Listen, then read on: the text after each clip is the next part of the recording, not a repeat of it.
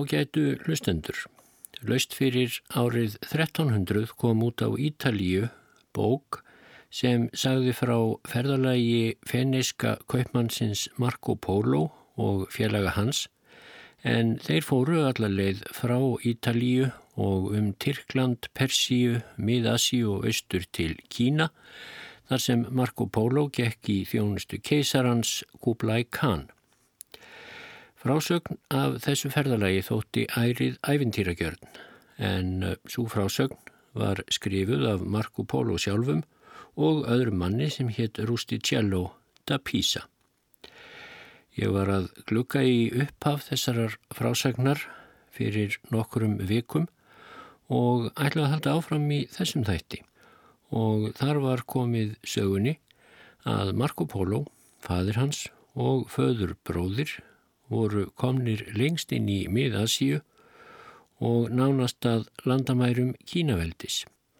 Og þar ætla ég að taka nú upp þráðin og stiðist vel að merkja við samantekt sem Óge Krarup Nílsen tók saman upp úr ferðasögu Marco Polos en eh, sem staður er vitnað beint til bókarinnar.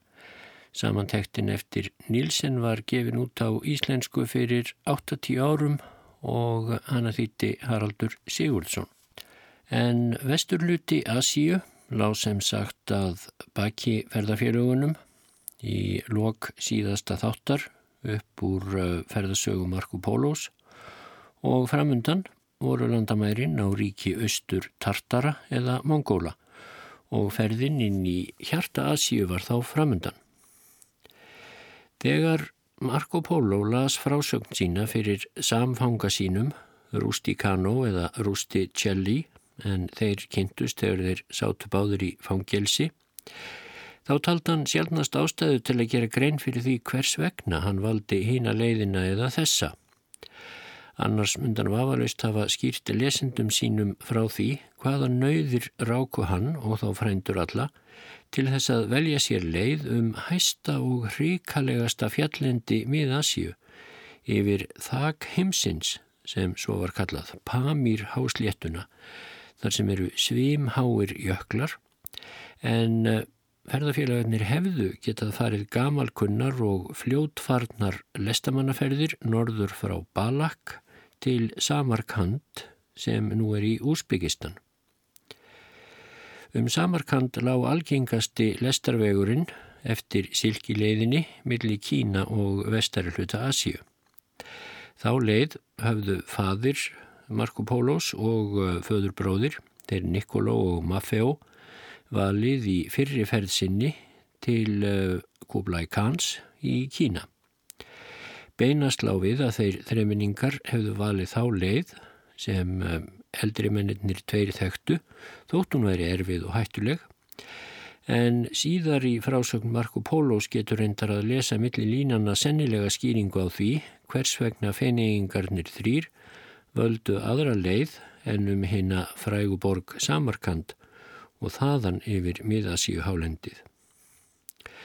Marco skýrir frá því að Kaitu, frændi stór kansins, Kublai Khan sem ríði ríkjum í voldugasta ríki Mongóla, Kína.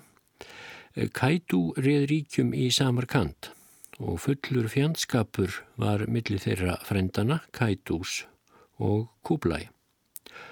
Og þá fyrir okkur að skiljast hvers vegna þreiminningarnir sem hafðu meðferðis bref og gjafir til Kublai Khan og gulltöflur hans í farangri sínum en það voru eins konar vegabref sem hvaðu áum að allir skildu aðstóða ferðamennina því þeir væru á snærum Kublai Khans.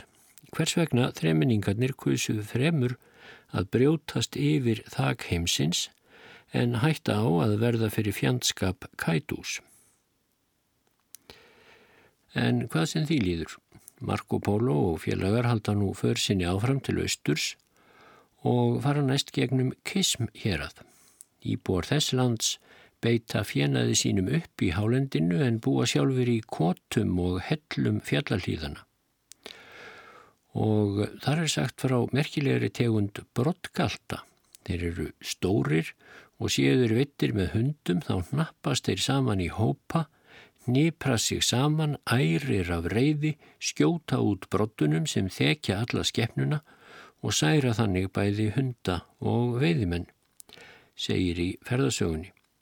En eitthvað lítið mun hafa farið fyrir þeim brottgöldum síðan. Og af því má dæma að það er kannski ekki að marka alveg allt sem stendur í bók Marco Pólus. Sumt kann að vera smólítið íkt. En eftir þryggjadaga ferð frá Kism kemur Marco Polo til Balaskan. Þjóðhauðingi landsins fullirti að hann væri í beinan karleg afkomandi Aleksanders Mikla sem uppi hafi verið næri 2000 árum fyrr og ekki nómið að hann væri komin af Alexander heldur líka Dariusi Persakongi, andstæðingi Aleksanders. Í fjöllum þessa lands er gnótt dýrmætra gimsteina, svo nefndra Balas rúbína. Dauðarefsing likur við ef íbúar landsins vinna steina þessa án leifiskonungs, versla með þá eða koma þeim úr landi. Marco Polo skýrir svo frá og leinir sér ekki að hér talar kaupmaður Því ef leift væri að vinna gimsteina þessi eftir gethóta og flytja þá út úr konungsríkinu, þá myndu þeir brátt falla í verði vegna þess hver mikið af þeim í landinu. Nokkur hluta hinn að dýrmætu Rúbína sendir konungurinn að gjöf til annara konga og þjóðhöfðingja, all mikið fer í skatt til yfirmanns hans, stór kansins, kúblæ, eða í skipti fyrir gull í öðrum löndum. Þá eru í landinu fjöll með heilum göngum af heiminn blári bergtegund og úr henni er unnin heilblár litur. En fremur eru það rauðuar námur, brennisteinn, eir og blí. Land þetta er afar kallt, segir Marco Polo. Hestar sem þar alast upp eru gæðingarmiklir, fráir á fæti og svo harðfættir að enginn þarf er á að játna þá. Landsmenn hafa tamið þá til að hlaupa upp snarbrattar hlýðar og hestarnir komast yfir ófærur sem engar aðrar skeppnur hætta sér að hvað þá meira. Það er fullirt að til skamstíma hafi verið hér hestar sem komnir voru af búkefalusi hinnum fræga hesti Aleksanders Mikla. Þeir voru allir með kvíta stjörnu í enni. Föðurbróðir konungsins átti þessa hesta og var hann tekin af lífi vegna þess að hann vildi ekki láta það á hendi við frenda sinn. Ekkjan var þá svo harmþrungin yfir morði mannsíns að hún let drepa alla hestana og kynið er því liðið undir lok. Um þær myndir sem Marco Polo kom til Balaskan var helsa hans buguð eftir allar eðimerkur ferðirnar en frá þeim sagði ég í síðasta þætti upp úr ferðasögu Markós. Hann lá nú sjúkur þarna heilt ár og náði fyrst fullri heilsu þegar hann kom í reynd og tært fjallaloftið upp í hálendinu. Þó Marco Polo sé óvanur að falla í stafi yfir náttúrufegurð í frásögn sinni, þá leynir sér þó ekki hver mikið honum finnst til um landið á þessum slóðum og hver ánægilegt hún þótti að ferðast um fjallalíðarnar í Balaskan, grasi vaksnar og blóm skrittar, eftir margra mánuða ferðum brenn heita eðisanda. Í þessu konungsríki, skrifar Marco, eða Rusticello fyrir hans hönd, í þessu konungsríki er fjöldi fjallaskarða þar sem landsmenn hafa reist örug víi gegn fjandmanna árásum. Landsmenn eru ágættar bogaskittur og klæðast að jafnaði loðfeldum af villitýrum. Í fjöllunum eru beitilönd fyrir óteljandi grúa söðfjár sem reykar um hagana í stór hjörðum fjögur, fimm til seks hundruð saman. Fyrir þetta er allt vilt og þó að miklu af því sé slátrað þá sér ekkert á stopninum. Fjöllin eru svo geysi há að víða er heil dagleið upp á efsta tindin. Milli fjallana opnast grösugar, blómlegar sléttur og stórar ár með tærasta vatni brjótast fram úr gljúrunum. Í fljótunum eru sílungar og aðrir ágættir matfiskar. Uppi í fjöllunum þarna er loftslæði tært og styrkjandi ef hitasótt eða aðri sjúkdómar grýpa íbúana á sléttlendinu eða í dölunum þá fara þeir upp til fjalla og hverfa aftur albata eftir þrjá daga. Og Marco Polo fullir þess sem sagt að hann hafi reynd þetta sjálfur. Þegar hann hafi leið sjúkur í landinu upp undir ár, eins og ég sagði á þann, þá var hann um ráðið að leita upp til fjallana eftir nýju loftslægi og þar fekk hann heilsuna aftur. Og hann veitir ymsu aðtikli, skrifar til dæmis, Í Balaskan bera konur af tignum ættum mjög förðulegan búning, eru það eins konar buksur og fara þær í 60 til 80 eða jafnvel 100 álnir af ágætum baðmullardúk eftir efnum og ástæðum. Liggur flík þessi í óteljandi fellingum um mjadmyrnar og svo kona þykir fegurst sem mestu getur aukið á mjadmyrnar og er sem fylst um lendar. Marco Polo dvaldi lengi í Balaskan og fekk ágætt tækifæri til að afla sér fróðuleiks um nærligjandi lönd sem hann átti ekki kosta á að sjá með eiginu augum. Hann segir frá landinu Baskíja sem likur tíu dagleðir fyrir sunnan Balaskan. Íbúar þar eru hjáguðadýrkendur, þeir eru dökkir á hörnslitt, yllir viðskiptis og rammir galdramenn og seðskrattar. Þeir bera allir eirnarhinga úr gulli og silfri, skreitta perlum og gimsteinum. Marco Polo segir ennfremur frá landinu Kasmír sem er sjödagleðir fyrir sunnan Baskíja. Landsmenn taka öllum öðrum þjóðum fram um galdur og fordeiðuskap og geta Kasmírbúar látið mállausar og hirnarlausar guðamyndir sínar tala ef þeim sínist svo og Kasmírbúar geta ennfremur myrkvað dægin með galdrabrælu og gert fjölmörg önnur kraftaverk. Um þessar myndir gætti mjög bútatrúar í Kasmír og hafði hún borist hangað frá Tíbet.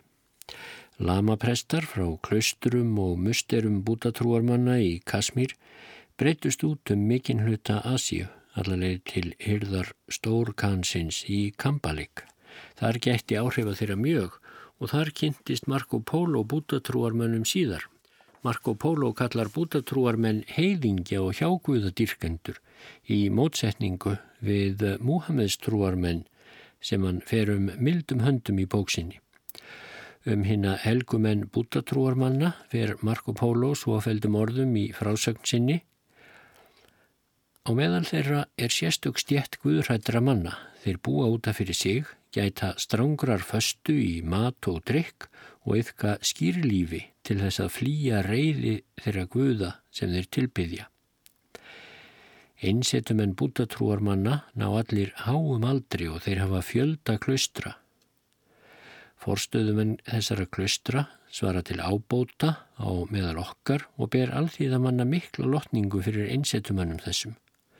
Landsmenn sálka aldrei nokkru dýri eða útheila blóði nokkurar skeppnu. Ef þá langar til að bragða kjött þá leita þeir á náðir Múhammedstrúarmanna sem búa þeirra á meðal um að slátra dýrunum. Óþreyttur og hress eftir döluna í Balaskan þá lagði Marco Polo og félagar hans enn af stað að takmarkinu fjarlæga, ist í austri en það var höfuðborg Kublai Khan.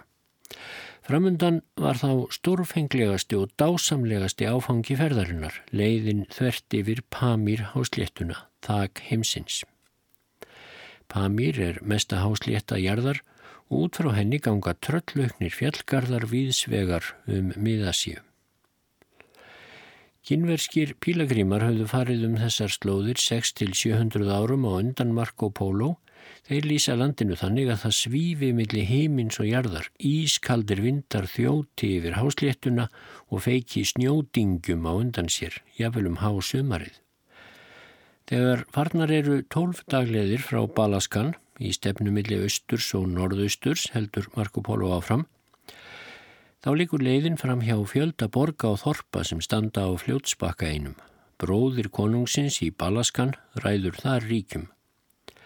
Þá tekur við fylgi það sem Vókan nefnist og er aðeins þrjár dagleiðir yfir að fara. Landsmenn eru Múhameðstrúar og ágætir hermenn, Í fylki þessu er fjöldi alls konar villidýra. Eftir þryggja daga ferð norðaustur á bógin frá Vókan yfir hvert fjallið af öðru er komið upp í þá reginhæð sem þá var talin mest á jörðunni.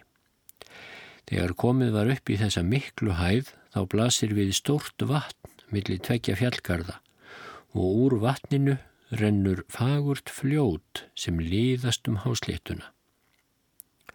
Sléttan er grasi vaksinn svo að hvergi er betra haglendi. Ég vel magrast í búsmali myndi fitna þar svo á tíu dögum að allir eruðu ánæðir með holdafarið. Hér er fjöldi villidýra af ymsum tegundum meðal annars tröllvaksið söðfíja með meira en sex spanna hornum. Af hornum þessum smíða sögðamennirnir stórar skálar til að matast af og úr þeim gera þeir ennfremur nátthaga til fjárgeimslu. Marco Polo var ennfremur skýrt svo frá að margt væri hér um úlfa sem dræpu fjölda af þessu villifjö. Hornin og beinin sem líkja í hrönnum og viðavangi eru týnt saman í hrúur við veginn, ferðamönnum til leðbenningar þegar snjórlikur yfir landinu. Yfir sjálfa Pamírhásléttuna er svo tólf daga ferð og er öll súleið óbyggð auðun, svo að ekki verður hjá því komist að hafa allar nöðsinjar með sér og landið er svo hátt og svo kallt að aldrei sér svo mikið sem fuggla á flugi. Ég vil ekki láta þess ógetið, skrifar Marko, að loftslag er hér svo biturt og kallt að eldar brenna mun döfar og með minni hýta en við eigum að venjast. Þess vegna er ekki hægt að sjóða þar mat svo að vel sé.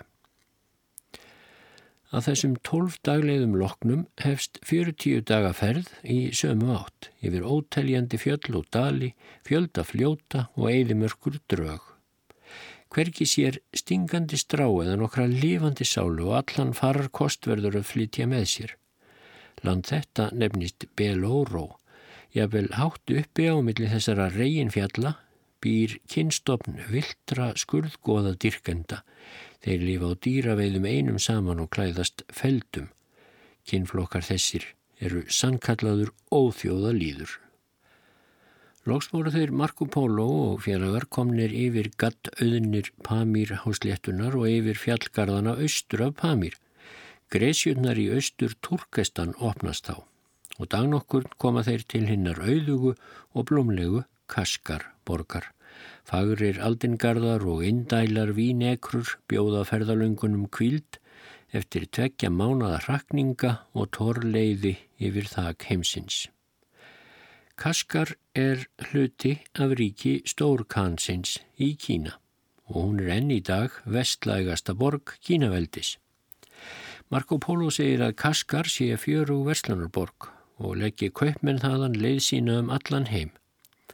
Hann segir að í borginni sé allmart um kristnamenn sem játa kenningun Nestors og hafa þar sínar eigin kirkjur. Annars eru íbúar borgarinnar Múhameðs trúar og líkt voru þeir Marco Polo að skapi. Þeir eru fláráðir óþokkar sem geta viðbjóðslega og drekka eins og svín segir hann opinskátt. Og þessu til staðfestingar þá segir Nílsen í samantekt sinni frá gamlum kynverskum pílagrými, Híven Tsang að nafni, sem hafði farið sömuleið og Marco Polo frá Kína til Indlands 600 árum áður. Hann lýsir íbúinum í Kaskar svo Borgarbúar eru ílræmdir fyrir ofsa og ójöfnuð. Þjófnaður og svík eru algeng fyrir breyði þeirra á meðal en skildur og síðgæði likja þeim í létturúmi. Og næri sex öldum eftir að Marco Polo var á ferðinni þá kom austuríski landkönnuðurinn Árel Stein til Kaskar og komst hann að raunum, segir Nílsen, að síðferði borgarbúa hafið enn verið óbreytt. En í Kaskar komu Marco Polo og félagar hans á lestamanna leið sem frá ævafornum tíma hefur verið tengiliður í viðskiptum Kína og Vesturlanda. Leiðin liggur til vesturs frá Kaskar til Samarkand og Bokhara. Marco Polo kom sjálfur aldrei til Samarkand. en fadir hans og föðurbróðir, sem áður voru nefndir, þeir komið ongað og dvöldust þar um hríð á fyrrifelsinni um Asíu. Marco Polo grýpur tækifærið þegar hér er komið sögunni í bókans til þess að lýsa auðæfum og gengi hinnar frægu borgar Samarkand og skýra frá fjandskap þeim sem ríkti milli Kaitús konungs og stórkansins Kublai frænda hans. Í Samarkand varum þessar myndir mikill fjöldi kristinamanna sem fylgdu kenningum Nestors og hafðu þeir sínar eigin kirkjur í Samarkand. Nestors trúar menn, svo kallaðir, þeir voru reyndar víða dreifðir um Asíu á þeim árum og jáfnvel langt austur í Kína. En látum Samarkand líka milli hluta. Marco Polo og félagar hans heldu áfram eins og lestamannaleiðir liggja austur á bógin yfir Turkestan. Þeir fara fram hjá Jarkand og Kótan sem frá eldfórnri tíð hafi verið höfuð áfangar á leið þessari Hvarvetna mæta þeir sama veslunar, anríkinu, frjósamum, aldingörðum og vínekrum sömu gnægð og þeir yfirgáfi í kaskar af baðmöll, hör og hampi, korni og matvælum. Í Jarkand vekur það hins vegar aðtigli Marco Pólos að flestir íbúana þjást af þróta á fótum og bjúg á hálsi og kennir hann drikjarvatninu um.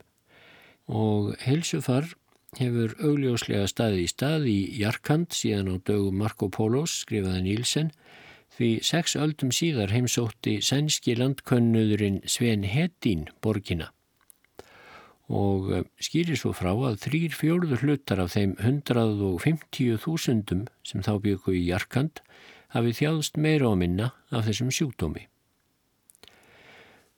Leiðin likur svo austur á bógin. Öðru koru er farið um gróður littlar gresjur þar sem vatnið er ramt og vond uns komið er til hér að hana pein og síarsín.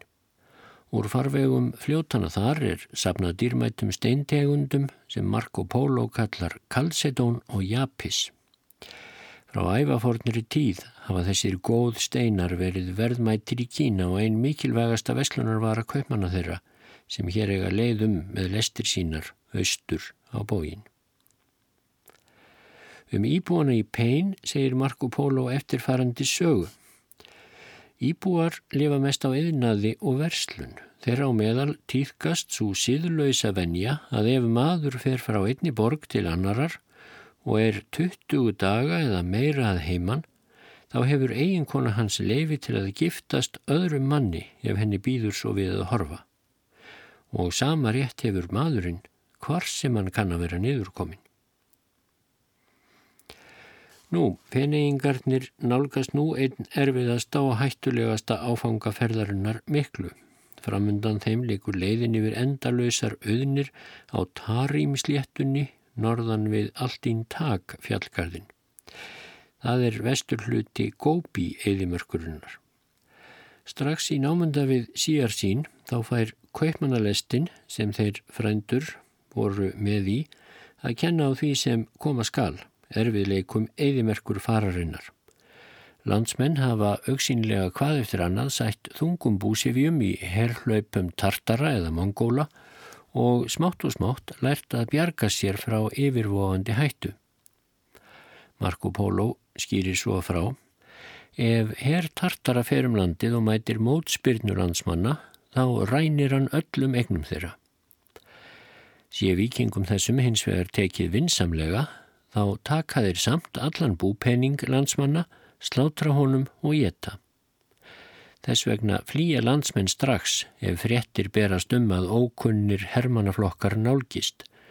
Taka landsmenn sig þá upp með fólksitt og búslóð og fara tvær dagleðir inn í eðimörkina þar sem er gnægðu vatns þótt ótrúlegt megi virðast og forða sér á þann hátt. Af sumu ástöðu fela þeir á haustin allt sitt korn í sandgrifjum og taka af því mánadarlega þær byrðir sem þeir þurfa. Engin getur fyllt með því hvert þeir flýja því vindurinn máir óðar út öll spór í sandinum í eðimörkinni. Eftir fimm dagaferði í norður átt frá síjar sín er komin til borgarinnar Lopp sem stendur í jæðri eðimerkurinnar. Um eðimerkur förina sjálfa fer Marco Polo eftirfarandi orðum í bóksinni. Lopp er stór borg við eðimörk sem ber sama nafn og borgin. Eðimörkin likur aðinni að austan og norðan. Borgin sjálf er hluti af ríki stór kansins í Kína og íbúar hennar eru Múhameðstrúar. Ferðamenn sem hafi higgju að ferðast yfir eðimörkina dveljast að jafnaði um hríð í borginni til að kvíla sig og farar dýri sín og gera aðrar nöðsynlega rástafanir áður en ferða örðugleikarnir hefjast fyrir alvöru. Frá farangurinnum bæði nesti og vörum er gengið á fjölda asna og úlvalda. Trjóti nestið áður en komið er yfir eðimörkina þá er burðardýrunum einfallega slátrað til matar. Úlvaldar eru helst valdir til eilimerkurfarar því þeir eru sterkastir til áburðar og fóður léttastir. Minst mánadar nesti verður að taka með sér því á skemmri tíma verður ekki farið yfir þessa eilmörk þar sem hún er mjóst þó. Hins vegar er vonlaust að reyna að fara yfir hana þar sem hún er breyðust. Ferðin myndi vara alltaf einu ári og nestisflutningur til svo langs tíma er hér um bil ógjerningur. Í þrjáttíu daga likur leiðin yfir eilívar sandsléttur og fjöll. Að lokinni dagleið er náttað í námunda við Vassból.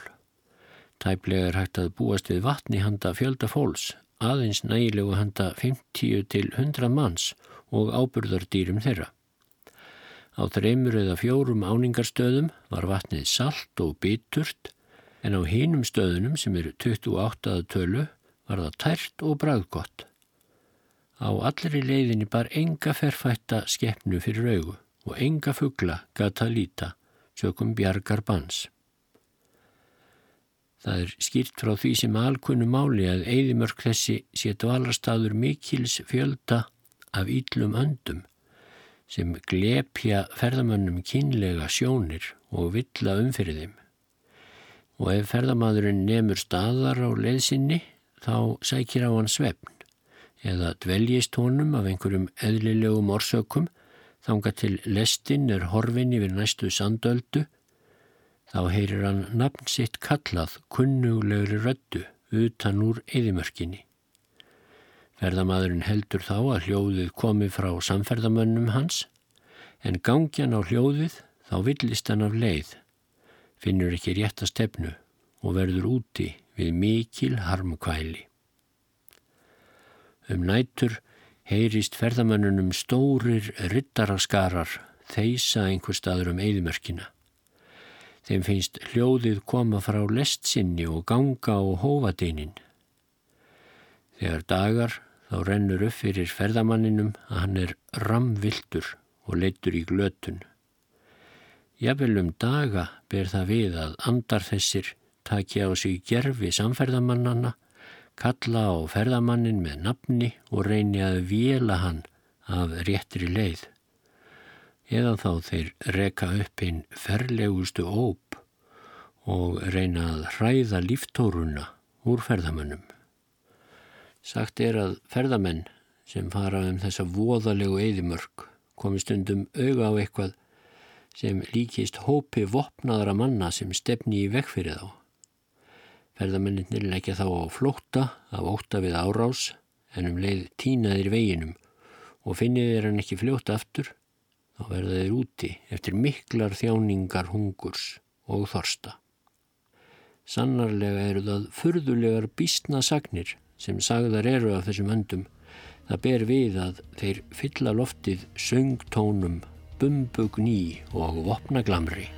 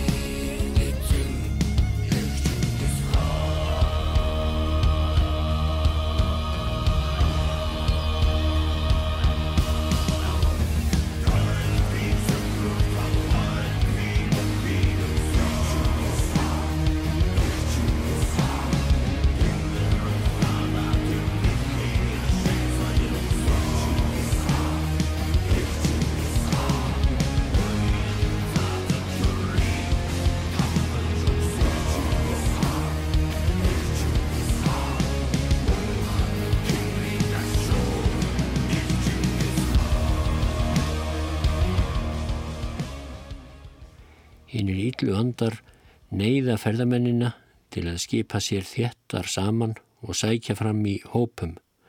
Vegna þessara óskapa í eigðimörkinni telja ferðamenn örugast áður en þeir ganga til kvílu að setja upp vegarmerki langt fram á þá leið sem á að fara næsta dag og hengja bjöllu um hálsin á hverju áburðar dýri svo það tapist ekki úr lestinni. Allar þessar miklu hættur og erfiðleika verða allir þeir að yfirstíga sem leggja leið sína um eðimörkina. En Marco Polo og félagar hans sluppu lífandi frá harðri eðimörkinni og heinum íllu öndum og eftir 30 daga ferð komu feineingarnir þrýr á samt lestsinni til Sæsjón í Tangútfylki í Kína. Hættur og torfærur gópi eðimerkurinnar voru loksað baki. Landsmenn þarna sinna ekki verslun en reka akurirkju engum kveitirægt. Flestir eru hjáguðadýrkendur eins og Marco Polo kemst að orði en með því áan við að þeir séu bútatrúarmenn. Nokkurir eru þó Múhamestrúar og þarna eru líka fáinir kristnir sem fylgja kenningu Nestors.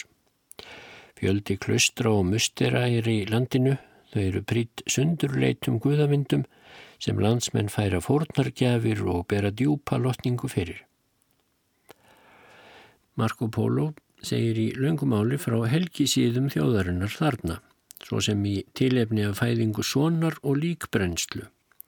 Stjarnfróðir menn úr hópi prestanna reikna eftir gangi stjarnanna hvena er heppilegast sé að brenna lík. Á meðan er það gemt í þungri trekistu og smurtu viðarkvoðu og kryddjúrtum.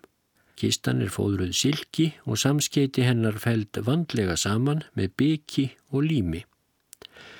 Þegar Marco Polo er búin að lýsa helgisíðum þeim, er líkbrennslu aðtöfninni fylgja, þá líkur hann máli sínu á þessum orðum. Þegar skrúðgangan kemur þangað sem brennan á að fara fram þá bera ættingjar hins framliðina bókfells eða pappirsmyndir af mönnum og konum, hestum og úlvöldum en fremur fatnað og kringlóttum pappirsmiðum sem líkjast peningum. Öllu þessu er brent með líkinu. Fólkið trúir því að auðæfi hins látna í þrælum, fjenaði og peningum fari eftir því í öðrum heimi hver miklu af slíkum pappismyndum er brent með líkinu. Brennan fer fram með glimjandi hljómlist á öll þau hljóðfæri sem landsmönnum eru kunn. Þegar ég hef nú lokið frásögn minni um borg þessa, skrifar Marco Polo, þá mun ég lýsa öðrum borgum sem líka norðar og vestar nær jæðri eðimerkurinnar miklu. Svo lýsir Marko næst Kamúl héræðinu sem er hluti af Tangút fylki og liggur upp að austurdrögum Tien Xia fjallgarðsins og eh, þar dregur Marko Pólo upp mynd af engar sérkynlegum siðvenjum sem honum finnst vera við móttöku gesta. Landsmenn eru skurðgóða dýrkendur, segir hann, sem tala sína eigin tungu. Þeir lifa af ávöxtum jarðarinnar, hafa ríkulega gnægð af þeim og geta því byrt ferðamenn upp af öllum nöðsinjum sem þeir þarnast. Kallmennir eru gleðimenn miklir og sinna fáu öðru en söng og hljóðfæraslætti, dansi, lestri og reytstörfum. Leita þeir mjög eftir hvers konar gleðskap sem týðkaður er meðal þjóðarinnar. Þegar ferðamadur sem komin er til þessa gladværa lands, óskar gistingar og annarar þjónustu, þá telja húsraðundur það hinn mesta sóma. Þeir skipa konum sínum, dætrum, sistrum og öllu öðru nákomnu kvennfólki að verða við hverri ósk gestsins. Sjálfur yfirgefur húspóndin heimilsitt og fær sér annan dvalarstað í borginni meðan gestirinnir eru á heimili hans. Aðkomumadurinn dvelur þar í húsi gestgjafans og býr þar með kvennþjóðinni sem eiginkonur hans væru og þær færa honum allt sem hann þarnast. Eh, þess ber þó að geta að húsbóndin ætlas til greiðslu fyrir næturgreiðan, en hann hverfur ekki að heimili sínu meðan gesturinn dvelstar. Landsmenn líta svo á að þeir síni gestum sínum heiður og virðingu með því að fá þeim konur ættarinnar til umráða með öllum og fullum eigin manns réttindum. Þeir álíta ennfremur að gesturisni við ferðamenn sem oft eru langt að komnir og kvíldar þurfi sé guðunum þóknanleg og þeir trúa því að síni þeir gesturisni þá falli heimilinu í skaut blessun frjóseminar. Lóks trúa þeir því að slík gesturisni auki hagsæld heimilisins og veiti vernd gegn hverri hættu og gefi öllum atöfnum þeirra farsælar lyktir. Og konurnar, þær eru sannarlega mjög fagrar og ákaflega blóðheitar og í öllum efnum eru þær mjög fúsar að ja, hlýðinast fyrirmælum manna sinna. Það bar við þegar Mangu Stórkan dvaldi með hyrðsinn í fylkinu einhverju sinni Á honum bárust til erðna frásagnir um þessar blíðunarlausu siðvenjur. Stórkanin gaf út á tilskipun að lagt skildi blátt bann við svo óvirðulegum háttum og bannaði mönnum að hýsa gesti á heimilum sínum. Jáframt fyrir skipaðan að reist skildu gistihús handa lestarmönnum. Landsmennurðu að fylgja þessu en gerðu það með sorg og sút í þrjú ár. En að lokum komist þeirra þeirri niðurstöðu að jörðin væri nú ekki jafn frjósum og áður og ímisleg önnur óhöpp steðjuðu að. Þeim kom þá saman um að senda nefnd á fund Mangu Khans. Sendinemdin átti að bera fram bænir landsmanna um að stór kanin veitti þeim náðarsamlegast leifi til þess að taka aftur upp forna háttu sem forfeður þeirra hefðu haldið í heiðri frá hinnum eldstu tímum kynnslóð eftir kynnslóð, heimilis hamingjan væri í veði ef brugðist væri skildum kisti vináttunar og hvers konar ógæfa geti leigið í loftinu.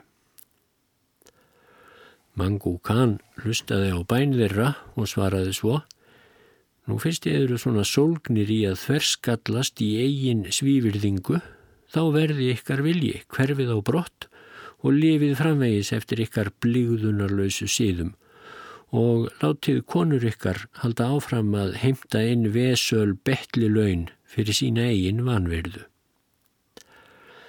Með þetta svar snýri sendinemdin heimleiðis og gleði þjóðarinnar var mikil með málalokkin en í dag eru hinnir fornu siðir í heðri hafðir í Kamúl, skrifar Marco Polo, aflaust af eigin reynslu.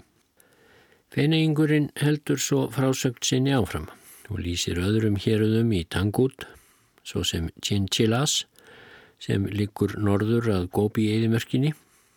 Í fjöllunum þar eru járn, sink og antimónnámur en fremur er unnið úr fjöllum þessum efni sem hefur þann merkilega einleika að þegar ofinn er úr því dúkur og honum kastað á eld þá brennur hann ekki.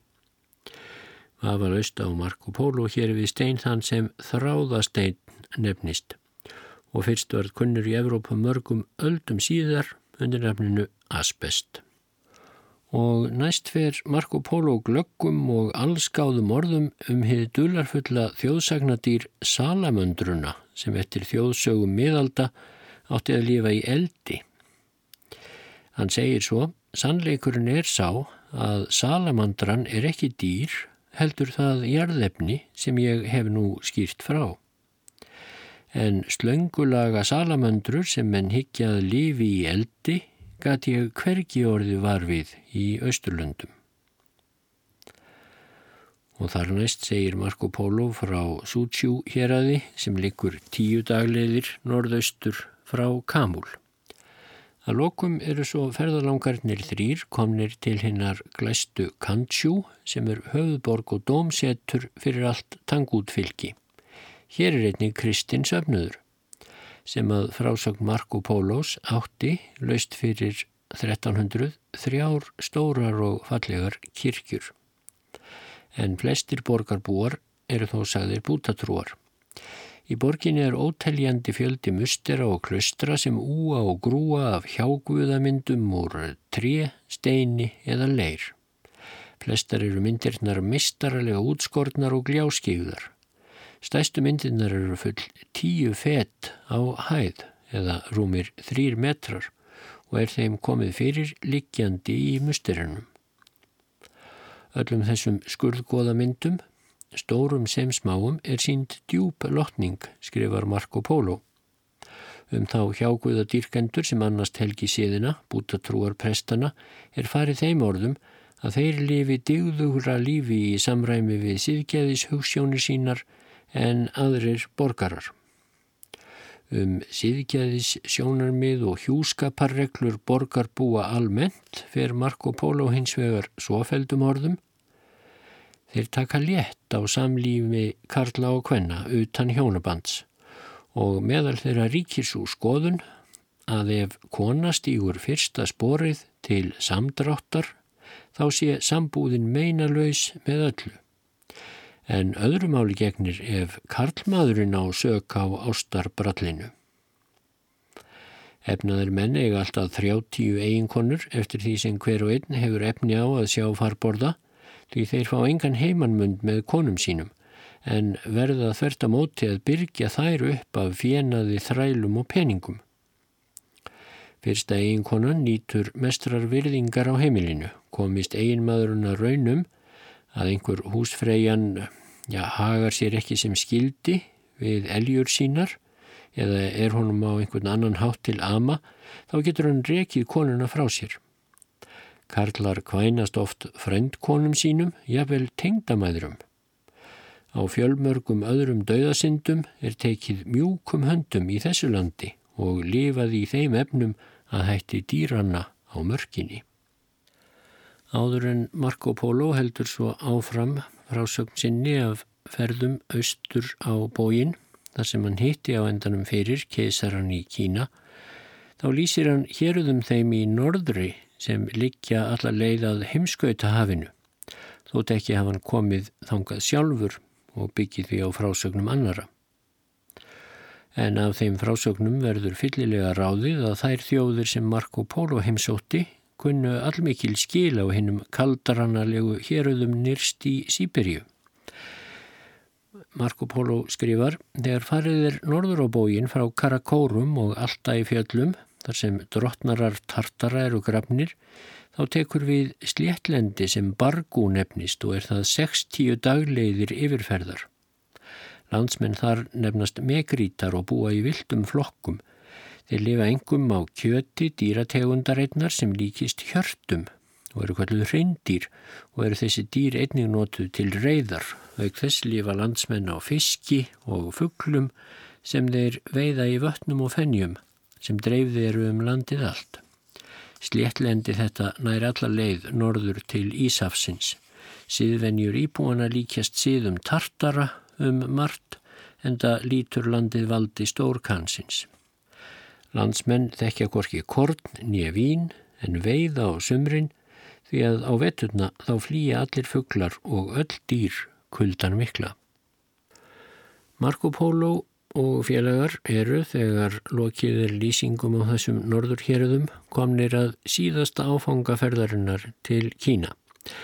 Nílsen segir að það sé erfileikum bundið að komast nákvæmlega raunum hvaða leiðan fór og hvaða hérðum hann sé að lýsa af eigin sjón og hvað hann byggi á frásögnum annara.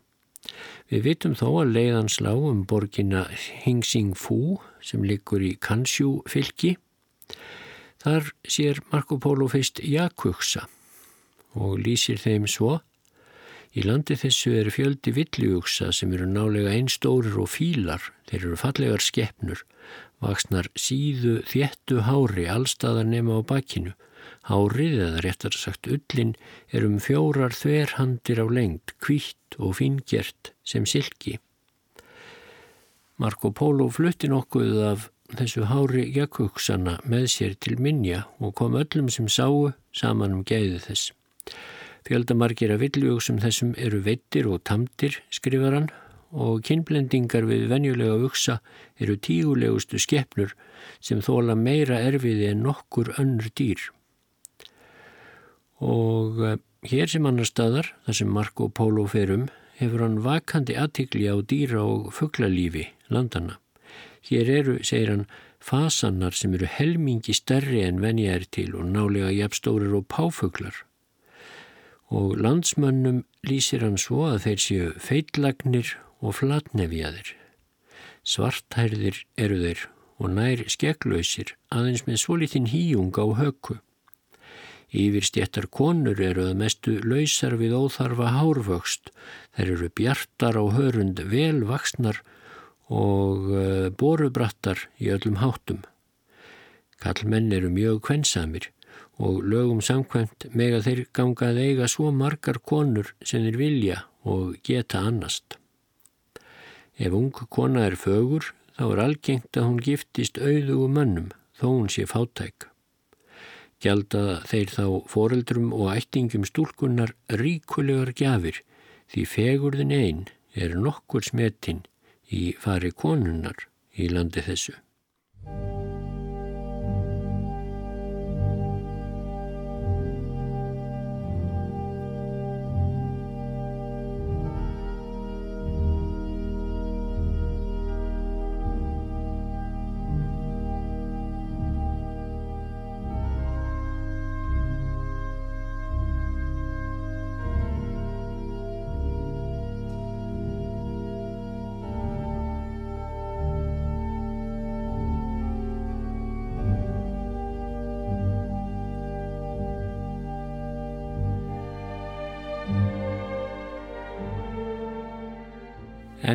Marco Polo ekki komin alla leiðina til Kublai Khan keisarans í Kína.